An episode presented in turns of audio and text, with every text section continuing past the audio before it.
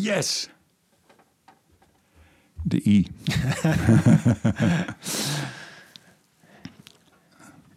Ingrediënten. Ingrediënten. Isolatie. Wat vind, jij, wat vind jij nou van ingrediënten?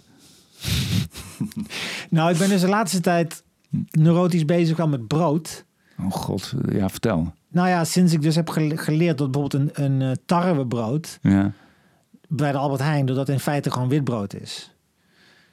Die, dus de regels voor, die, voor wanneer je iets mag noemen, die zijn zo slecht. ja. Dat ze kunnen als het ware gewoon een witbrood. Kleurstof bij. Ja. En toen ben ik dus achter gekomen waar je op moet letten is dus of het volkorenbrood is. Ja. Want dat mag je, je mag alleen volkorenbrood zo noemen als, het, als er een volkorenmeel voor gebruikt is. In plaats van tarwebloem, want dat is Ja. het grote verschil. En dan zie je hoe weinig broden dat zijn. Zelfs de, de broden die er gezond uitzien. Zelfs hele donkere broden met meer zaden. En dan kijk je op hoofdingrediënten en is het nog steeds fucking tarwebloem. En dan spoelen, geven ze gewoon een kleurspoeling. Dus ingrediënt, dat, daar vind ik echt van. eh, wat betreft kapitalisme of dat hele eh, onderwerp. Da, Ja, daar zorg vind gewoon dat die regels helder zijn. Want hoe kunnen we dat daar als moet mensen... de overheid Ja. echt veel strenger in zijn. Maar Gewoon is- ook claims waar iets goed voor is. Mijn, mijn schoonmoeder die komt altijd met dingen aanzetten. En dan zegt ze van ja, hier zitten geen, eh, hier zitten geen onnatuurlijke zoetstoffen in. Het is voor Ja. kinderen. En er zit dan gewoon suiker in. Suiker Ja. is een natuurlijke zoetstof. Ja, En, en dan zit er... eh, precies. Dat eh, soort Ja, verdraaiingen. en de hele Alleen tijd... natuurlijke suikers of zo. Ja. Ja. Zijn calorieën zijn calorieën.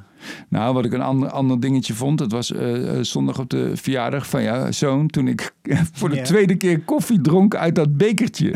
ja. Dat was toch ook niet normaal? Een kartonnen bekertje voor eenmalig gebruik. ja, want de koffie de tweede lekt. koffie le- le- lekt het er zo doorheen. Ja. Wat, een, wat een armoedig spul, man. ja, ik vind die consumentenmarkt, daar mag echt, daar, daar zou ik zoveel meer staatsbemoeienis, zou ik daar willen. Ja, dat Weet zou je? toch helemaal niet moeten Vrije bestaan, markt zo'n bekertje? prima, maar gewoon... En je wordt gewoon met alles geflasht. En de meeste dingen weet je nog steeds niet. Ik ging een tijdje geleden eh, oude port wilde ik kopen. Vind ik heel lekker, oude port. Dus een beetje vragen aan die, eh, aan die baas van de slijterij. En die zei ook, oh ja, maar dan moet je wel alleen dat of dat merk hebben. Want de rest gooit er ook gewoon jonge port bij. Dus dan is er zo'n regel, Europese regel, dat je bij 20% oude port, wat je aanlengt met 80% nieuwe, goedkope port, port. mag je zo noemen. Dus je kunt dan gewoon op een fles zetten oude port of zo 12 jaar gerijpt. En dat soort valse Ja. shit. En daar dan geld voor veel meer geld voor vragen. Ja, Dat vind ik zo walgelijk. En onethisch. Lijkt me ook zo kut om bij een bedrijf te werken dat doelbewust dat soort mindfucks Hmm. gebruikt. Onder het mom van dat is gewoon hoe het is. Dat is gewoon hoe het... de mazen eh, van de wet opzoeken. Ja. Ja, dus eh, ingrediënten. Wel dat we daar serieus, serieus op ingaan. Wat vind jij van ingrediënten? Het lijkt me een superleuke straatinterviews ook. Ja. De straat op en dan mensen zo'n microfoon voor hun mond houden. Wat vind- Ja. Mag ik u eens vragen? Wat vindt u van ingrediënten? En dan die expressie van mensen. En die weten wat ze Ja. daarop moeten antwoorden. Ja. Dat is wel heel leuk. Dat zou heel leuk zijn, ja. Maar eh, ook, wat ook zoiets is met ingre- ingrediënten, zijn die, eh, hoe heet het nou, nummers? E-nummers. E-nummers. Dat is natuurlijk ook zo'n maf verhaal eigenlijk. Want sommige daarvan zijn inderdaad misschien een beetje slecht. Maar een ander is bijvoorbeeld gewoon vitamine C, is ook een E-nummer. Hmm. En dat heel veel mensen dat gaan zijn gaan zien als... Slecht. Ja, want het klinkt ook chemisch of zo, hè? En dan de ironie is dat ze die nummers dus ooit zijn gaan invoeren. Weet je dat waarom? Nee. Omdat eh, bedrijven voor die tijd gewoon best wel ongezonde, onduidelijke shit in hun ingrediënten konden gooien. Waardoor er daadwerkelijk gevaar was als je iets, als je iets at. En er was te veel onduidelijkheid over. Dus die moesten dan die codes gebruiken om bepaalde eh, toegevoegde dingen aan te geven. Dus dat was die, die, die, die E-nummers die zijn ingevoerd. Juist voor gezonder eten en meer veiligheid met wat betrekking, met betrekking tot wat je eet. En nu is dat helemaal gekanteld. En zijn mensen daar weer tegen. En dat zie je natuurlijk steeds meer als een soort stroming dat je dan terug wil naar vroeger.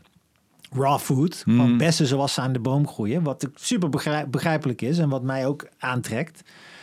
Maar wat mensen dan vaak vergeten is als je, als je de vernieuwingen en moderniseringen in een systeem allemaal terug wil draaien omdat je ze modern en eh, onveilig vindt daardoor, kom je natuurlijk ook weer oude problemen tegen. Mm. In de zin van eh, verontreiniging, dingen die bederven, bacteriën die ergens in kunnen komen. Uh, dus, het is hetzelfde als met die tendens van vaccinaties. Dat je daar ook weer van, van dat je dat, dat heel veel mensen dat zijn gaan zien als iets slechts en daarvan af willen. Terug naar de natuur. En dan krijg je weer dingen als rode hond. En, uh, ik weet ook van heel veel producten. en- Je hoort ook allemaal over die worteltjes, van die uh, voorgeschraapte worteltjes. Dat ze dat weer in een of andere zuurbad gooien. Ja. Wat ook nog in die wortel zit. En, die shit, die wil je toch, dat moet je toch inderdaad weten op zijn minst. Of dat Ja. dat de grote waarschuwingsdingen. Ja, Want iemand zei ook, melk, gewoon als je normaal melk koopt, zelfs biologische melk, dat wordt bestraald met een of andere uh, röntgenachtige straling of een of andere uh, straling dus. Waardoor alle bacteriën erin worden doodgemaakt, maar blijkbaar ook alle, vitamine. ja, alle goede dingen. dingen. Dus Het schijnt allemaal moleculen kapot of zo.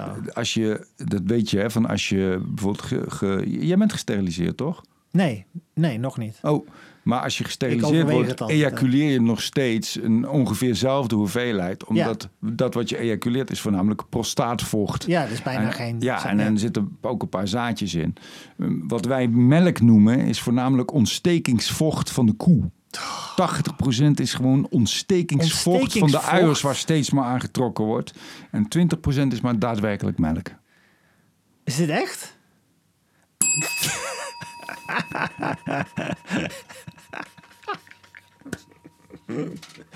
ah, ik geloof er geen zak van.